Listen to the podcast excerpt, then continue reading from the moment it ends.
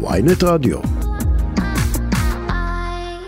אה, ממתין לנו האלוף במילואים גדי שמני, לשעבר מפקד פיקוד המרכז, שלום לך. בוקר טוב. אנחנו למעשה שמענו תמונת מראה של אותו אירוע שמתרחש אה, סמוך לבורקה אה, בליל שישי.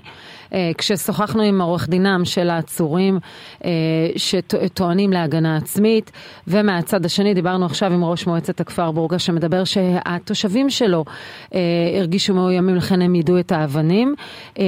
האירוע הזה, זה, זה לא אירוע ראשון ולא אחרון וגם אתה מכיר אירועים מהסוג הזה. כאשר הם מגיעים לאזור ורואים את המרעה שלהם באזור שהוא פלסטיני, אה, האם מדובר בפרובוקציה, האם מדובר בכוונה להיכנס לעימות, איך אתה רואה את הדברים? תראה, אני, אני לא יכול להתייחס לגבי המקרה הספציפי הזה, מכיוון שאני באמת לא מכיר את פרטי הפרטים שם, ואני מאמין שהחקירה של צה"ל והמשטרה בסוף תגיע ל... לשורש הבעיה, אבל לשורש הבעיה של המקרה הספציפי הזה, אבל שורש הבעיה של כל התופעה הזאת הוא נעוץ ב, ב, בעצם ב, במדיניות של מדינת ישראל לאורך שנים, שעכשיו הולכת ומתחדדת. זאת מדיניות שלמעשה אה, אפשרה מערב פרוע ביהודה ושומרון, אה, התפתחות של אה, כנופיות חמושות. פעם קראנו להם נערי גבעות, היום כבר יש להם נציגים בממשלה. שיושבים, שמגבים אותם, שמתקצבים אותם, שאנשיהם בטוח יודעים גם להעביר להם כל מיני מידעים על כוונות ועל פעולות של הדרג המדיני או של פיקוד המרכז כדי להיערך מראש, מראש בהתאם. ואין ספק שהיום יש לגורמים הקיצוניים האלה אה, תחושת הצלחה ותנופה אמיתית. ויכול להיות שזה גורם ל... להם לצאת יותר החוצה, עם יותר תעוזה וליצור יותר חיכוך. שוב, זה לא לגבי המקרה הספציפי הזה, אבל המאחז הזה שבסביבתו היה האירוע, זה מאחז שצה"ל רצה לפנות אותו.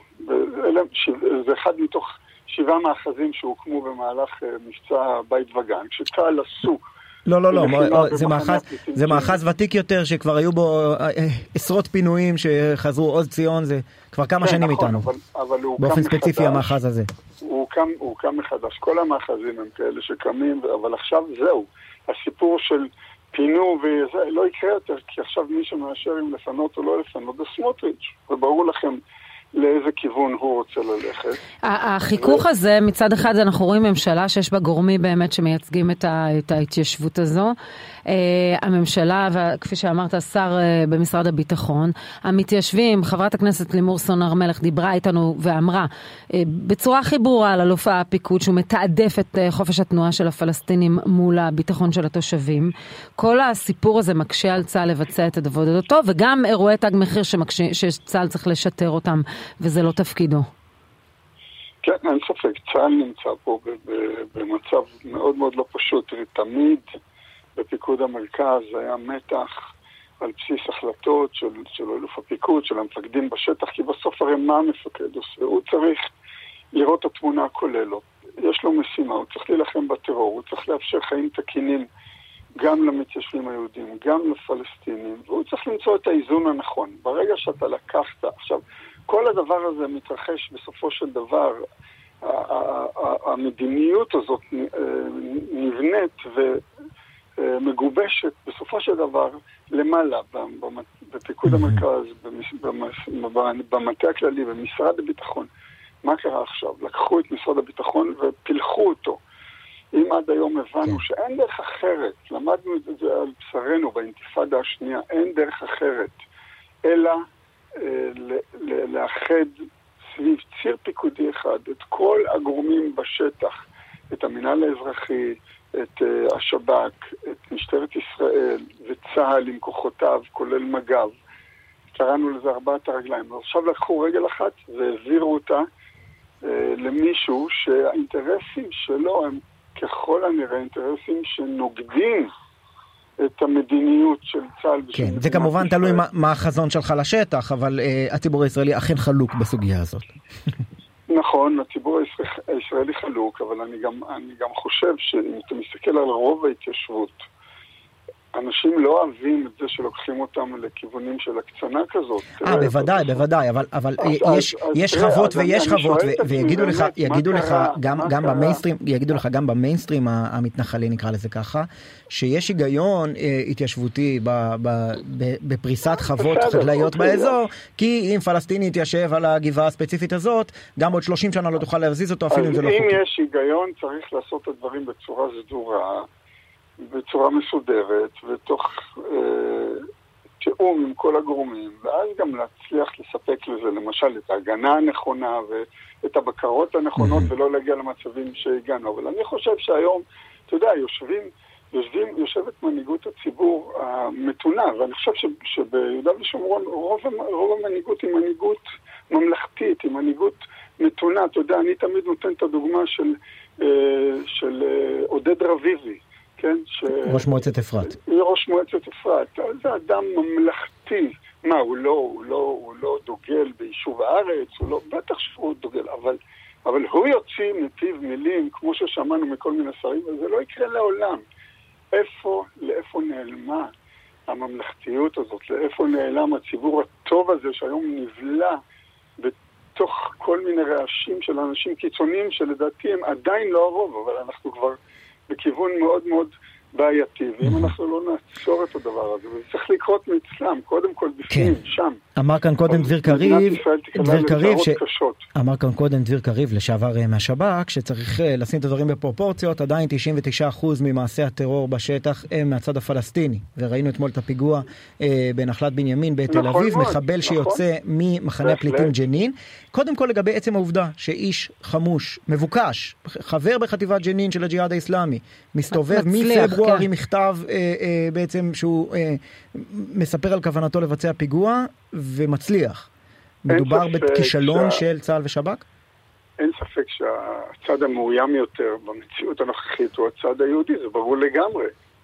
זה ברור לגמרי, אבל צריך לטפל בבעיות השורש של העניין הזה. עכשיו, מה שצה"ל תמיד ידע לעשות, הוא ידע להרגיע את השטח, הוא ידע למצוא את האיזונים הנכונים. עכשיו אי אפשר לעשות את זה יותר, כי יש מישהו שכל הזמן תוקע מקלות בגלגלים של אלוף פיקוד המרכז.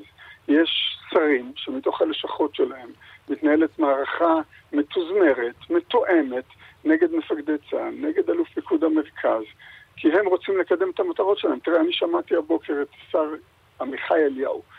מסכת של שקרים שהם מפיצים כל הזמן. למשל, הוא אמר, לתת נשק למחבלים. אז אני חייב שהציבור ישמע את זה.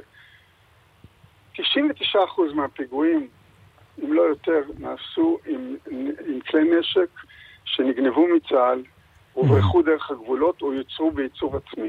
הנשקים שניתנו לרשות הפלסטינית בהסכם אוסלו, המקרים שבהם השתמשו בנשק הזה לפיגועים הם מקרים בודדים. חמור מאוד. גם זה לא צריך לקרות. כן. אבל פה... סמוך לחומת מגן היו באמת אירועים ש... ש... את הציבור בו... בצורה כן. שיטתית. בו מנגנוני הביטחון הפלסטינים היו מעורבים, היום אנחנו רואים פחות ופחות אירועים מהסוג הזה. אני אומר שגם כן. הנשק שניתן להם זה לא, כאילו, הזמירות שאנחנו שומעים, נותנים נשק למחבלים. מי נתן נשק? הפיגוע שהיה היום, אתמול בתל אביב, מה, אנחנו נתנו את הנשק למפגע הזה? מאיפה, מאיפה, ה-M, כל M16 כזה שאתם רואים, זה לא דבר שניתן על ידי מדינת ישראל. מדינת ישראל נתנה לרשות הפלסטינית קלצ'ינקובים, נקודה. כן, בסדר, אה, בוא, זה גם דיון אה, ותיק, כן, בוא נחזור משנת 94, שנת לידתי, נחזור רגע לימינו אנו, טוען פה הבוקר חבר הכנסת אלמוג כהן מעוצמה יהודית, אה, שבעצם מה שעשינו אחרי המבצע המוצלח בג'נין, הוא איזה פיילוט שמנסה להחזיר את השליטה שם לרשות הפלסטינית, והפיגוע הזה בנחלת בנימין הוא... תמרור אדום ובוהק שהשליטה... אומר את זה לממשלה שבה כן הסיעה שלו מכהנת. שאין שם שום שליטה של הרשות הפלסטינית וחייבים להחזיר את צה"ל במלוא העוצמה לשם. צריך להבין שבסופו של דבר, אם לא יהיה, אם לא תהיה רשות פלסטינית חזקה, שולטת בשטח, בסיוע של צה"ל, בסיוע של האמריקאים, צה"ל לא יוכל לעמוד במשימותיו ולהישאר כשיר לכל התרחישים שהוא צריך להיערך אליהם. תראה, גם ככה היום הסד"כ של צה"ל הוא לדעתי 25-26 גדודים שיושבים ביהודה ושומרון. לפני שנה, קצת יותר משנה, היו 13 לדעתי. כלומר, הכפילו את הסד"כ. עכשיו, מה זה עושה? גדודי מילואים שהיו באים למילואים בתעסוקה פעם בשלוש שנים, עכשיו הם באים שנתיים מתוך שלוש. כן. ואפילו נשים בסוגריים את הדיון על כשירות הצבא. כן, רק כן. נגיד, מבחינת נתונים, 26 גדודים היה השיא, כרגע זה 20. שנייה, שנייה. לוקחים פה את צה"ל והופכים אותו לחיל מצב. כן. זה לא הייעוד של צה"ל, הייעוד שלו זה קודם כל להיות ערוך להתמודד עם האיומים הגדולים, ויש איומים גדולים על מדינת ישראל. Mm-hmm. אנחנו מנוונים את הצבא בפעילות הזאת. היתרון שיש לך רשות פלסטינית חזקה שפועלת, זה שצה"ל צריך לעשות פחות, ואיפה שהם לא פועלים, אנחנו פועלים. וזאת צריכה להיות הנוסחה. עכשיו, ברגע שאתה הולך ומחליש ומחליש ומחליש אותם, מה אתה תקבל בסוף? אתה תקבל את החמאס ואת הג'יהאד. זה מה שיישאר בשטח. אם רוצים להגיע למצב הזה, אני חושב שיש אנשים בממשלה שישמחו להגיע למצב הזה, כי זה מיד יצדיק את הצעדים הקשים שצריך לנקוט, וכיבוש השטח מחדש, וכל הסיסמאות הנבובות האלה, אז uh, פשוט צריך להמשיך בדרך הזאת. אלוף במילואים גדי שמני, לשעבר מפקד פיקוד המרכז, תודה רבה לך.